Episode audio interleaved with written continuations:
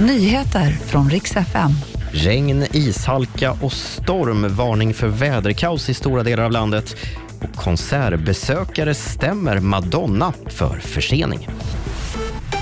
God morgon. Först ska det handla om vädret för veckan börjar stökigt på flera håll i landet. SMHI har utfärdat varningar över stora delar av Sverige för starka vindar, ishalka och snöfall. I Skåne har tågen ställts in på flera sträckor eftersom det väntas vindstyrkor på uppemot 22 sekundmeter. Och I ett område kring Örnsköldsvik upp till Umeå väntas det bli extra besvärligt i trafiken med stora snömängder. I USA meddelade igår Florida-guvernören Ron DeSantis att han drar sig ur kampen om att bli landets president.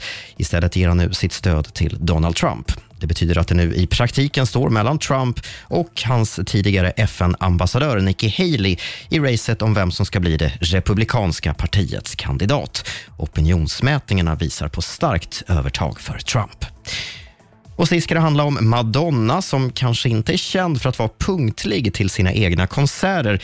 Den som varit på en Madonna-spelning vet att en timmes försening eller två inte alls är ovanligt. Men nu är det några som har fått nog efter en konsert i New York innan jul där Madonna klev upp på scen halv elva på kvällen istället för halv nio som utlovat stämmer nu två konsertbesökare stjärnan.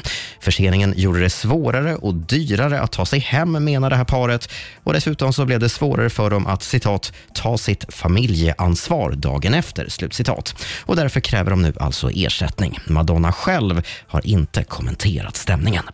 Och det var de senaste nyheterna. Jag heter Robin Kalmegård.